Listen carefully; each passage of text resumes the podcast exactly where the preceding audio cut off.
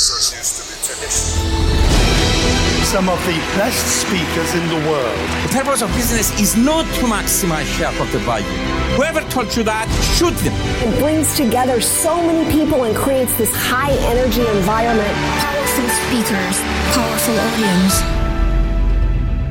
Det er 2022, og vi er her sammen med to fantastiske gjester, Kimberley Lein-Mathisen og Eli Moe Helgesen. Og vi skal snakke om styre, strategi og noen utfordringer som vi mener næringslivet står overfor i 2022. Dette er OBF-podden, og vi går rett på sak. Velkommen, Eli. Du er partner, jobber som revisor med lang styreerfaring, og er her for å snakke litt om den nye og den 25. surveyen som dere har gjort på CEOs globalt i PwC. Stemmer. ja. Og dere har funnet noen spennende funn, det gjør dere hvert år, og så sammenligner dere med tidligere års funn. Ja. Hva er hovedtrekkene i år? Hovedtrekkene det er at det er tro på framtida. Eh, vi har fått svar fra over 4500 CEO-er rundt omkring i hele verden. Og det de sier, det er at de har stor tro på framtida. Eh, de tror at det blir et år som blir bedre enn tidligere. Og det er første gang på ti år at det er så stor optimisme faktisk i, i den uh, gjengen. Så det er spennende. Og litt overraskende, for dette ble jo tatt opp, eller surveyen ble gjort midt under Scotland Summary, ikke sant? Ja. Når de var der i Edinburgh og diskuterte de dystre utsiktene for, for verden. Ja. Og likevel er verdens ledere optimistiske. Ja da, og så er jo hovedspørsmålet når jeg sier optimisme, det er jo om du har tro på vekst i året som kommer, versus hva du har sett i de siste årene. Så det er større tro på vekst i det året vi går inn i, 2022, enn det det har vært på ti år. Så det er jo lystelig. Men det har jo også selvfølgelig noe med det bakteppet vi har, da. At ja. det har vært krevende perioder for mange av verdens eh, virksomheter. Skal vi komme tilbake til den surveyen ganske snart, og også litt om nordmennenes holdning til dette. Men jeg vil også si velkommen til deg, Kibli. Ny jobb, nytt år, nye muligheter. Absolutt. Hei. Hvordan føles det? Oh, det føles veldig spennende. Ja. For du har tatt skifte fra teknologigiganten Microsoft ja. til en stiftelse ja. ledet av World Economic Forum. Ja, det er et, et partnerskap i, mellom Aker eh, gruppen og World Economic Forum, det stemmer. Spennende. Mm. Og, og, dette senteret for, eh, for, den fjerde industrielle revolusjonen, mm. bindestrek Ocean Ja. jeg, jeg, jeg, Første gang jeg leste om det, så ble jeg sånn Oi, dette er veldig spennende. Og dere snakker om en dataplattform ja. For deling av data. Ja. Er det riktig forstått? Ja. For havet. Det gjør vi. det gjør vi. Og den uh, Fourth Industrial Revolution Technologies, det kommer fra if you think of all of the millions and billions of sensors and all of the possibilities we have with the technologies we have born in the last years, it's a new opportunity to collect data hmm. on a level that we've never been able to do it before, across silos that we've never been able to open and unlock. And where the aim is to bring data together to form a platform for new insights. Everybody understands more and more that we have a really complex system mm. a system called Mother Earth, a system called the oceans. It's really a complex ecosystem. And it's really a wonderful place to use advanced analytics, advanced technology to actually understand how one thing affects another thing. So we're going into uncharted waters where no one has been before to create a common good. Fantastisk. Takk for den pitchen. Og for deg som aldri har hørt Kimberley snakke, så har hun selvfølgelig fått lov til å snakke amerikansk. Hun er amerikaner, men hun forstår norsk utmerket godt. Du har bodd her i elleve år. Eh, og du har også styreerfaring, så du kommer til å være nå Jeg kommer til å spørre deg når Eli og jeg nå begynner å se litt på styreromperspektivet og strategi. Jeg leste Eli nemlig nemlig den, når jeg leste rapporten, så ble jeg litt overrasket over at uh, klimaendringer og disse, disse store samfunnsutfordringene er litt lenger ned på listen. Mm. Var du overrasket over det? Jeg er veldig overrasket. Altså Spørsmålet som har vært stilt gjennom mange år, og som også har vært stilt dette året, det er jo hvilke trusler ser du mot inntekter, eller, eller verdiskapningen for virksomheten du, du, leder i løpet av det neste året. Og det er faktisk klimaendringer i den globale undersøkelsen noe av det som kommer ganske langt ned. Bare litt over 20% er bekymret for at det skal true inntektene. Og så kan jo det tolkes på ulike måter. Det kan jo være fordi at man eh, kanskje ikke ser problemet. Det kan være fordi at man har kontroll på det. Og vi vet jo det at veldig mange nå jobber godt med dette her med hvordan du kan vri denne klimautfordringen, og ikke, ikke minst alle disse andre utfordringene som relaterer seg til ESG, til muligheter. Og jeg tror eh, det er kanskje noe av løsningen, eller forklaringen da, på at man ser utfordringen langt ned på lista. Ja, for det står det i den rapporten. Om ikke helt spesifikt, så insinueres det i hvert fall at her har man puttet klimaskepsisen opp i styrerommet, og så begynner man å ta det ut i form av handling. Helt åpenbart. Og det, vi har også gjort en styreundersøkelse i Norge eh, som viser at styret nok eh, jeg, Dataene indikerer at eh, styrene tar dette, denne utfordringen på største alvor. Og styrene er utrolig opptatt av hele tematikken rundt bærekraft og ESG. Eh, De tenker langsiktig. De tenker ikke bare neste kvartal og verdiskapning på kort sikt, men de er, de er dyktige til å se langt inn og se perspektiver som handler om det langsiktige. Og så ser det ut som at styrene er mer bekymra enn eh, de daglige lederne. Daglige lederne ser muligheter, men styrene ser problemer og utfordringer. Så får vi nå se hvordan dette barker løs. Ja, da kjente jeg fikk mange tanker i hodet her, for at daglig lederen er som regel ansatt av styret. Så det er, en, det er jo en forventning her om å oppnå noen resultater. Men kan, slik det ser ut nå, med inngangen til 2022, med dine revisjonsbriller og den kunnskapen du har om det som skjer, vet egentlig styret hva de skal rapportere på? Ja, rapport, ja, det er spennende, for rapportering blir jo et uh, nytt lerret å bleke framover. Fordi at I forhold til bærekraft og dette med ikke-finansiell rapportering, så har jo veldig mye vært frivillig til nå. Det handler om at du gjør Du kan jo fortelle om det ene det ene året, og noe annet som du har gått bra eller dårlig det andre året, uten at du liksom blir verken stilt til veggs eller det skapes veldig sånn tydelige regulatoriske forventninger. Nå skjer det noe. Nå går vi over i et helt annet regime snart. I 2023 kommer det sannsynligvis regler fra EU som får også plass i norsk lov, som innebærer at du blir pliktig. Ca. 1000 norske virksomheter vil omfattes av regler som gjør at nå må du rapportere på bærekraft. Hva du leverer av resultater på ikke-finansielle temaer.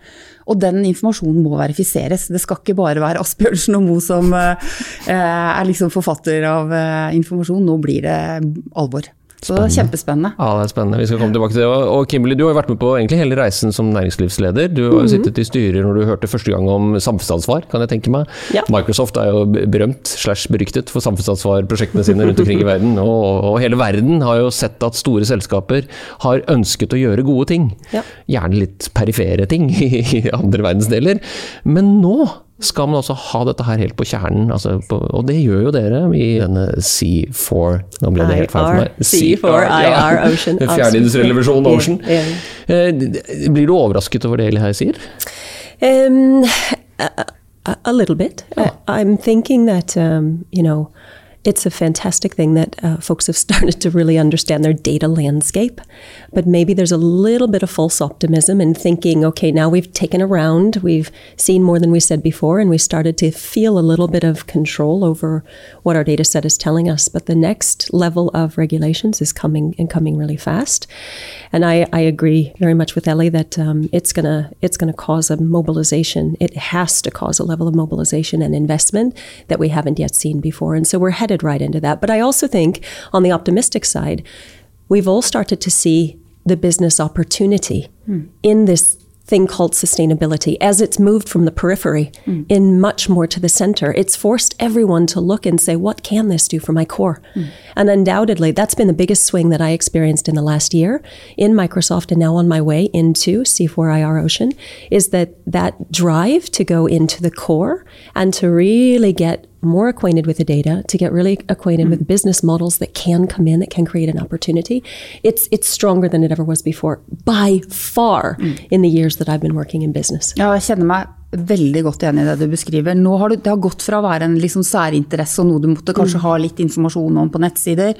Nå integreres det i strategi, i handlingsplaner, i rekruttering, i måten man tenker framtid, nye produkter. Det er en helt annen fokus. Og det er gått fra å være liksom noe du liksom måtte tikke av, til det, at dette er kjernen i hva som skal forandre verdiskapningen og verdikjedene framover. When we are Energy Nation Norway og havnasjonen Norge, da har vi i hvert fall masse å jobbe med. Enormt. Er rett i stormen, som, eh, som vi sier, på godt og vondt. Og fantastiske muligheter. Jo, dette er flott å høre på, men er det slik at det er kvaliteten på dataene som bekymrer deg, eller er det at folk kan ha en vikarierende egeninteresse? For å greenwashe det. Og dette kommer vi til å, jeg tror vi kommer til å slite med greenwashe-begrepet i en 10-20 år framover, til dette setter seg. For det er ikke gitt nå. Taksonomien skal rulles ut, og det kommer til å være Vi vet jo hvordan det er. Politiske hestehandlere i EU kommer til å ta tid. Amerikanerne skal kanskje med. eh, Kineserne vil motsette seg dette i det lengste. Og plutselig så gjør de et hopp. Altså Vi vet jo ikke hvordan framtiden blir.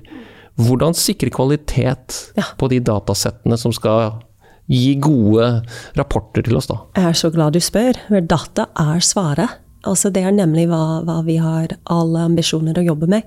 In our center, um, you, you talk to anybody who's working deeply in the real scientific terrain and trying to convert science to policy and science to business, and it is still extremely difficult to get really good quality data. And so the world needs a focus on not only digitalization. I feel like that's been a buzzword. That's also been a real driver of value creation. But the focus on data is far, far, far more important. And I think that that's what's going to rise to the top and be more central. Because this data, you know, I, talk with companies all over the place, and now we're trying to unlock data for oceans. And it's clear that companies don't understand their landscape yet well enough.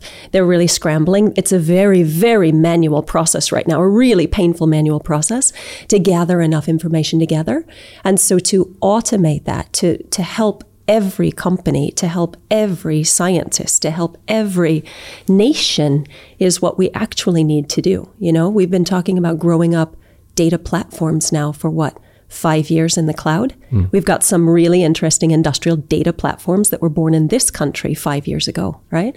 But the next journey will be not to say, does everybody need a data platform? It's going to be it's going to be masses amount of aggregated information turned into insights, scooped up by the financial industry, hmm. the insurers, the revisor, it is going to be a, a, a, tidal wave of impact that's coming from the data in the next five years. It's going to be, you know, an incredible, incredible thing we're going to observe and, and be a part of. Og så er det et innebygd dilemma i dette, fordi at du snakker om åpenhet og transparent yeah. og plattformer. Men den største trusselen, ifølge rapporten fra PwC, og antageligvis globale ledere er mest opptatt av, det er jo cyber threats, altså cyber risk. Helt rett. Og jo mer vi deler, jo, jo mer sårbare blir vi jo. Ja, det er helt åpenbart. Og dette med cyber Nå har det vært et uh, avalanche av eh, hendelser i Norge bare de siste ukene som viser at dette er ikke noe liksom, spøkelse som du kan lese om eh, fra utlandet. Dette treffer oss hele tiden, hver eneste dag. Så ja, åpenbart. Men samtidig, eh, åpenhet og transparens, hvis det ikke ligger i bånn, så er ikke dataene viktig. Ikke? Det, er, det er jo det interessentene er opptatt av og trenger å få vite. Det er jo det du må dele, også på bærekraftsagendaen. Eh, så derfor så er jo dette her med at du lager systemer og, og prosesser som er gode, og at du bruker alt det du har lært da, fra, fra hvordan du håndterer finansiell informasjon f.eks. på det ikke-finansielle, og skaper en transparens, men under trygge rammer. Det, er, det, er liksom, det, det må komme. Så eh, det henger sammen. Men hvordan skal du jobbe med dette, styrene og lederne? Ja. Hva er rådene fra PFC? PwC? Og da tenker du spesielt på dette med trygge data? Ja. altså det, det, er, det, det fine er jo at dette, kan jo, dette er jo den gode gamle verktøykassa som alle styrer egentlig kan. Det handler om å for det første vite hvilke data er det, er det som er gullkantede, hva er det som er viktig informasjon, hva er det du trenger å ha kontroll på. Og så må du bruke de gode gamle verktøyene som handler om tilgangsrettigheter, eh, beskytte data, bruke data, vaske de, sørge for at de er, har integritet over tid.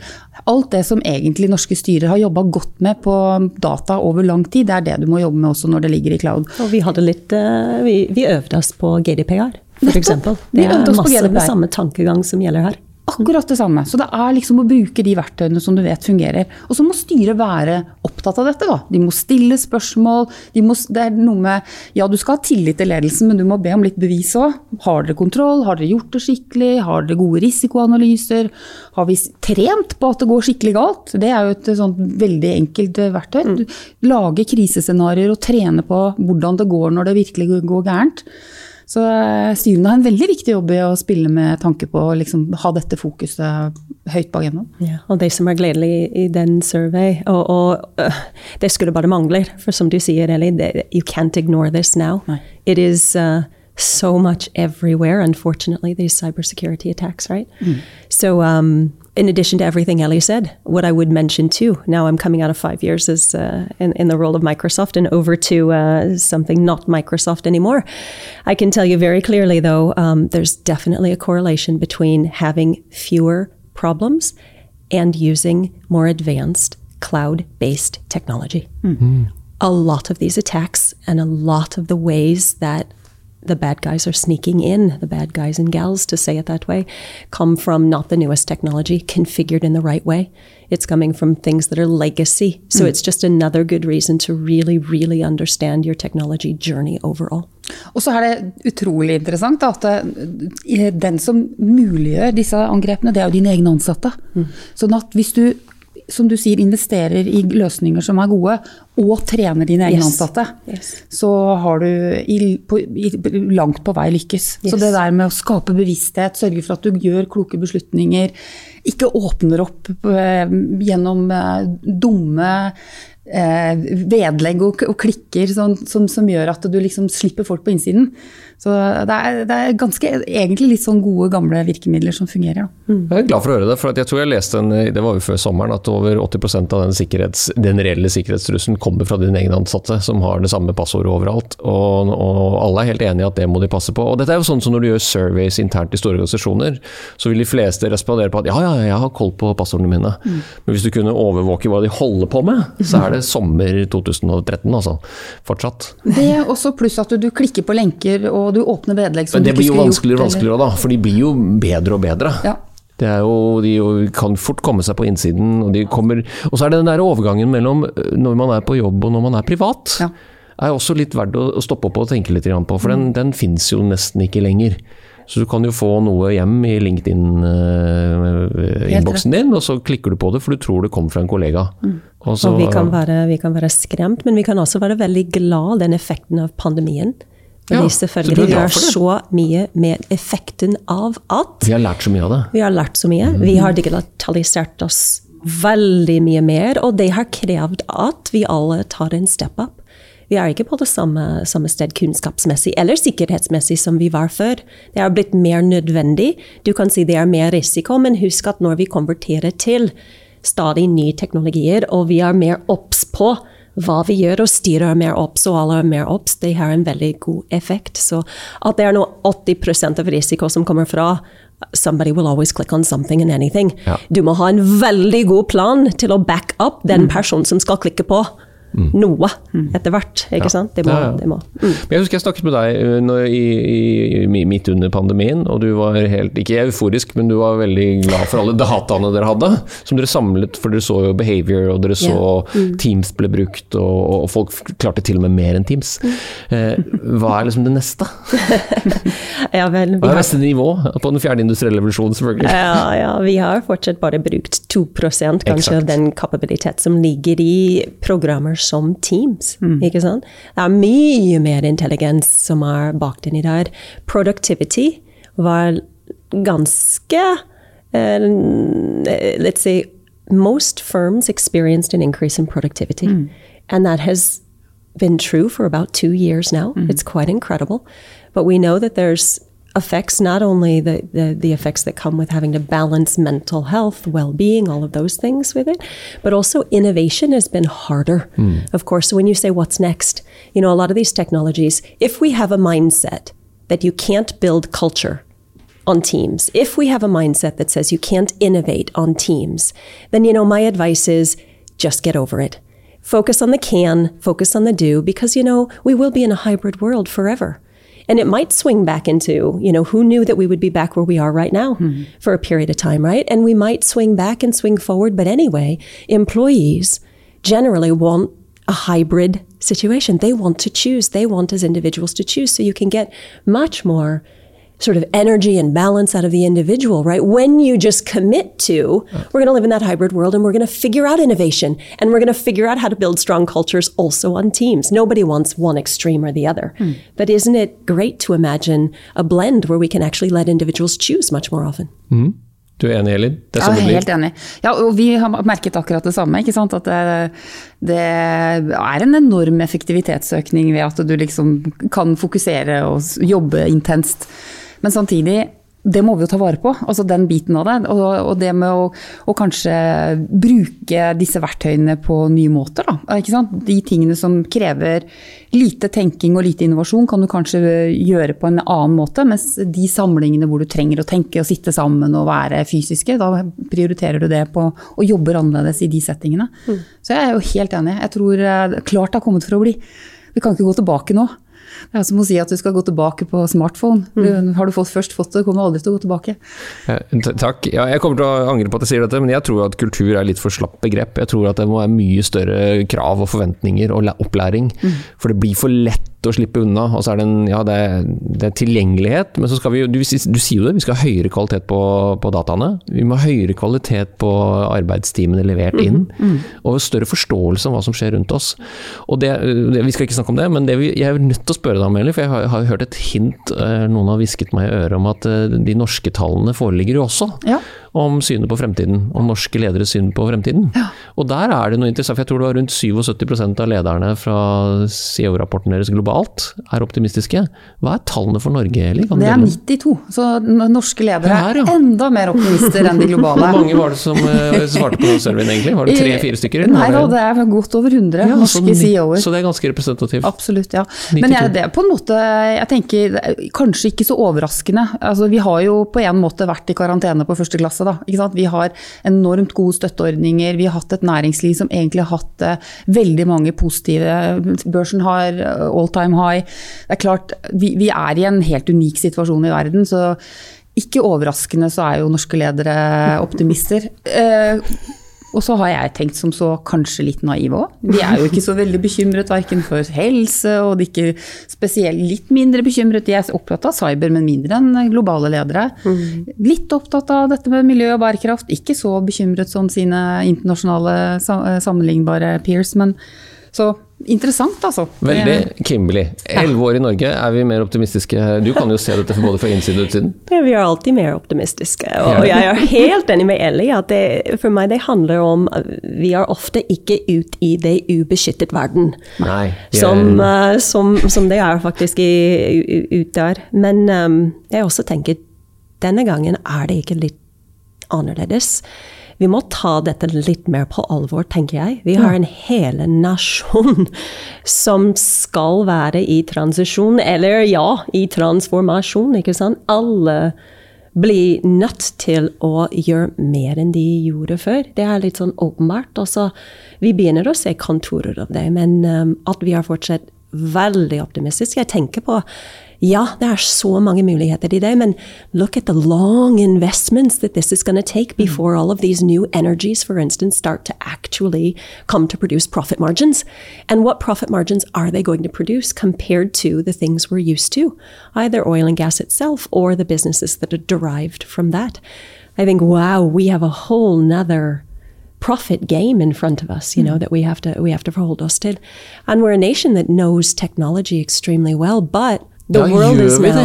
Altså, ja, vi snakker om Which det, men til hvilket nivå, da? Yes, ja, I agree. Vi er veldig gode forbrukere av alt det nye, og vi, vi adopterer det til en viss grad, men klarer vi å bruke det inn i våre Well, I'm thinking, I'm thinking more about, you know, our, our chops, our, our really good competencies are wonderful, but they're deep into industrial terrain, which typically has been much more sort of physical, mechanical, real things that you can touch, engineer around. And we've worked hard to automate those, and we're very tech savvy in that regard.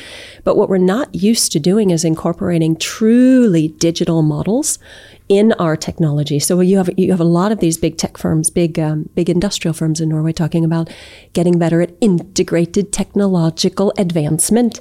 And for me, that's just a that's a very strong statement to say that if we don't take the advantages of what digitalization or data driven models on top of our physical models, the technology hands on stuff that we're used to, we're going to only do half the job. If you think about like carbon storage, we have this wonderful physical apparatus, right, that we're building in the country.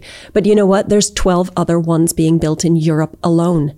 And everyone's talking about how China and Asia are going to sort of rule the next phase of investments. And so, should we be doing data based connections across that value chain to drive optimizations, to drive partnerships across countries? What about the digital carbon models that are going to sit on top of those, where we're going to have exchanges that are mm. not physical, they're purely digital?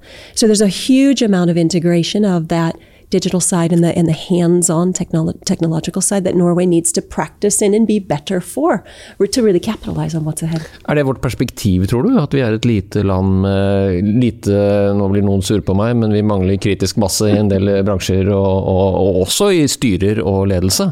For man blir så opptatt av seg selv. Og det er mange historikere som har skrevet om nyrike både organisasjoner og land, som blir big spenders, og blir veldig opptatt av seg selv og sin egen CV eller legacy.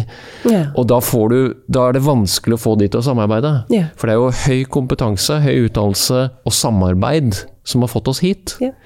Det går ikke av seg selv. Ja. For alt rundt oss endrer seg. Og hvis det er 98% igjen da, å ta ut av uh, Yes. dataverktøyene som fins, hva gjør vi med det? da? Well, one thing we could absolutely do is take more international talent into this country. Uh, skummelt.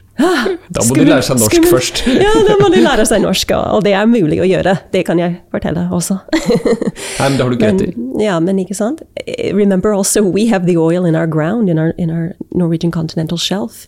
In the future, we don't have an asset in our backyard here to bank on either. We're competing against the world. Mm, mm. So a really good start would just be for all leaders and boards to look at the, the population that makes up their competence base and say, as we lean into the skills we need in the future, we need 20% international talent absolutely prioritized, just like we might need any other skill set prioritized for the future. Digital or deeper kunnskap om, om bærekraft, for eksempel. Ikke Ja, det skal vi rapportere på. Altså det er jo uh, Social and governance det skal jo også som en del av ESG-rapporteringen. Absolutt, ja, Så ja, hvordan gjør vi dette da, Elin?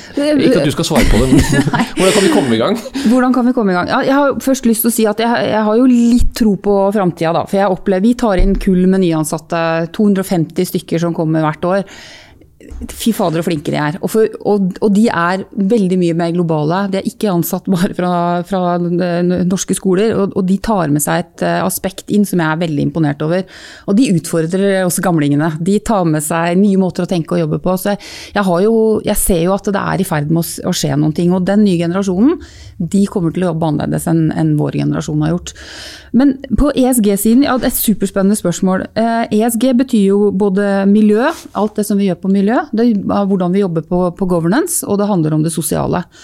Og det er alle de tre elementene, de, alle pilarene er like viktige i forhold til den verden og, og framtida og virkeligheten vi står i. Og vi er nødt til å være mye mer eh, tro mot å rapportere på det, både transparent og åpent, sånn som f.eks. likestilling. Eh, Vi, vi ser stadig flere undersøkelser som, som viser at virksomheter som tar likestilling på alvor, har høyere verdiskapning enn virksomheter som ikke gjør det. Altså Gang på gang på gang viser undersøkelsene akkurat det samme. Og det er klart, Da er det interessant å vite for en investor eller en, en framtidig jobbsøker eller en, en eh, aksjonær og en eier hvordan jobber dette selskapet med likestilling versus et som ikke tar det på alvor. Så det å få den dataen fram, eh, være, være transparent med hvordan man jobber med det, hvilke initiativer har vi, og ikke minst hvilke resultater gir det. Og så tror jeg det er helt fair å være åpen om på ulike ikke-finansielle parametere og si vi er ikke i mål, vi har ikke fått det til ennå. Vi har ikke fått til den eh, søppelsorteringen, eller vi har ikke kommet så langt med dekarbonisering, eller vi har ikke fått til måten vi reiser og transporterer, men vi har dette som ambisjon, og dette er målet vi jobber mot.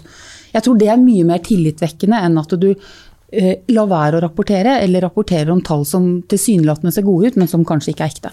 Eh, Jeg synes du, du har så rett, ikke sant? Også with the regulations, the taxonomy, everything else coming, it's almost like you've got a choice. Be forced to do it or get on the front foot Yeah. and get proactive and shape how you learn about what the heck your data says and actually how you put plans in place to actually move them forward. You know, get on the front foot, right? And disclose. So um, be forced or go there yourself. then Helt you have a riktig. fighting chance to sort of, you know, to, to, to control the message in a better way. Ja, det er helt riktig. Mye bedre nå. Ta denne muligheten. Identifiser de temaene som er viktige for din verdikjede og for din verdiskapning, og vær åpen om det. Og så er det ikke alt du har kommet i mål med. Og så er det greit. Og dette er det styret som skal gjøre, sier du klart og tydelig. Ja, det er åpenbart. Sette krav. Det styret må sette krav. Det er styrets ansvar til for liksom hva slags selskap man skal være og hvilke interessenter som er viktige. Så styret må sørge for at de prosessene initieres. Og så skal vi ikke styret gjennomføre det, men de skal være der og de skal både forstå regulering og hvilke på en måte krav som stilles til en virksomhet, og sørge for at eh, administrasjonen leverer da i henhold til ny regulering og, og de forventningene som stilles. And there's one thing I really want Ellie's help with, and Tor your help with, and everyone's help with. When boards start to get more data in their hands, right? Let's all ask ourselves the question of how could we open up even more data and have it return value to us? Because every industry, and oftentimes the silos inside a company are, are simply crazy. People are not in the habit yet. It's such an immature sport of sharing information because information, when you combine it with other pieces of information becomes so exponentially mind blowingly valuable that you can't even sit here and imagine all the ways that it's going to be valuable. But when you start to put that data in front of boards, the hmm. next thing it should pull is almost a demand. I would love to see reporting on how much have, has any company, particularly the domain I'm working in now is industries that have ocean impact. And that's a broad group of industries. I want to see more measurements about transparency, about how much of your data have you opened up to others. Hmm. How much have you opened up? And it will create business opportunities. It will. Think about aquaculture, the fish farming groups right now. Largely, if you think about a fish farm here and there and many, many, many kilometers apart, maybe thousands of kilometers apart, you know how little information is actually being shared between them right now? And do you know how much money is being lost on fish lice, you know, destroying massive amounts of their fish crop, etc. It's it's a huge, colossal waste for the environment. It's a waste for all of us. We're finally getting them to unlock that data on our platform, and then we can return it for incredibly good learning effect, and we can prevent more of these from happening. It's a perfect example of how many industries need to collaborate much more through data sharing. Jeg synes det er superspennende, og det er jo masse spennende norsk forskning faktisk på dette med næringsklynger, og hvor viktig det er å dele data. Og at, at det må være transparente, øker den totale verdiskapningen. Ikke nødvendigvis Yes. utfordre på konkurranse, så det er kjempespennende. Så hvis jeg skal begynne å oppsummere denne samtalen her, så har jeg da lært at vi skal både være optimistiske for framtiden, og så skal vi være litt mer Vi må kreve litt mer av hverandre, og så tørre å, å utfordre den der åpenhetsbehovet. Vi har jo et veldig godt eksempel med NRK Meteorologisk institutt, som alle nordmenn er veldig glad i. Vi elsker jo Yr, som du vet, Gimli. Vi sjekker jo Yr både morgen og kveld, og tilfelle der hvor vi kjenner noen som bor oppe i Nordland når det blåser litt mye, bare for å sjekke. Eh, og, og det lagde du jo sammen. Og så er det kanskje en slags eh, liten sånn hint som alle som er i et norsk styre kan ta med seg. Hvor mye kunnskap må vi ha for å stille de kravene til de rundt oss til å påvirke bransjen? Klarer, klarer du å si noe om det? Liksom, hva, hva kan styrene gjøre i forhold til å ta ut strategien sånn at det får resultater? Jeg kan i hvert fall si at eh, Et veldig spennende trekk vi ser nå, det er at før så jobbet jo styret med sånn strategi som er, var, veldig sånn der, en prosess som de holdt på med i noen uker, og kanskje de dro på sånn høyfjellshotell og var borte i tre dager. Styrene jobber annerledes med strategi nå. De jobber mer med dypdykk. De jobber mer med akkurat som du sier, å etterspørre hva er det omgivelsene trenger av oss, hva er det vi må gjøre for å kunne ta posisjon. Så det er i hvert fall et veldig spennende trekk da, som handler om at strategi er noe annet enn det var. Enig? Yes, absolutt enig. Og, og ja, tilføre at uh, i min opplevelse, de styrer som jeg har vært en del av, har vært flinkere og flinkere å eksponere seg til annen industrier, helt annen business models, og spør litt forskjellige ting, ikke sant? Og, og, og endre en kultur til en læringskultur, og danse mye mer med data. Det kreves en annen kultur. Hvordan skal man skape det? Skal man skape det i det hele tatt? Skal det være på agenda for et styre? Jeg mener ja! Det må være mer og mer sentralt, f.eks., og det har vært fjernt i mange steder, i hvert fall. Helt klart. De har bedt om eh, rapportering, men ikke om data og informasjon man kan bruke til beslutningsdagen. Jeg gikk inn i denne samtalen og var litt sånn 60-40 positiv, eh, pessimistisk med tanke på norsk eh, økonomisk selvgodhet. Nå er jeg mer positiv etter å ha snakket med dere og den kunnskapen dere deler, og det må dere love meg å fortsette. Og så spre det dere vet, og, så, og dytt de rundt dere til å åpne opp og sette litt krav til hverandre.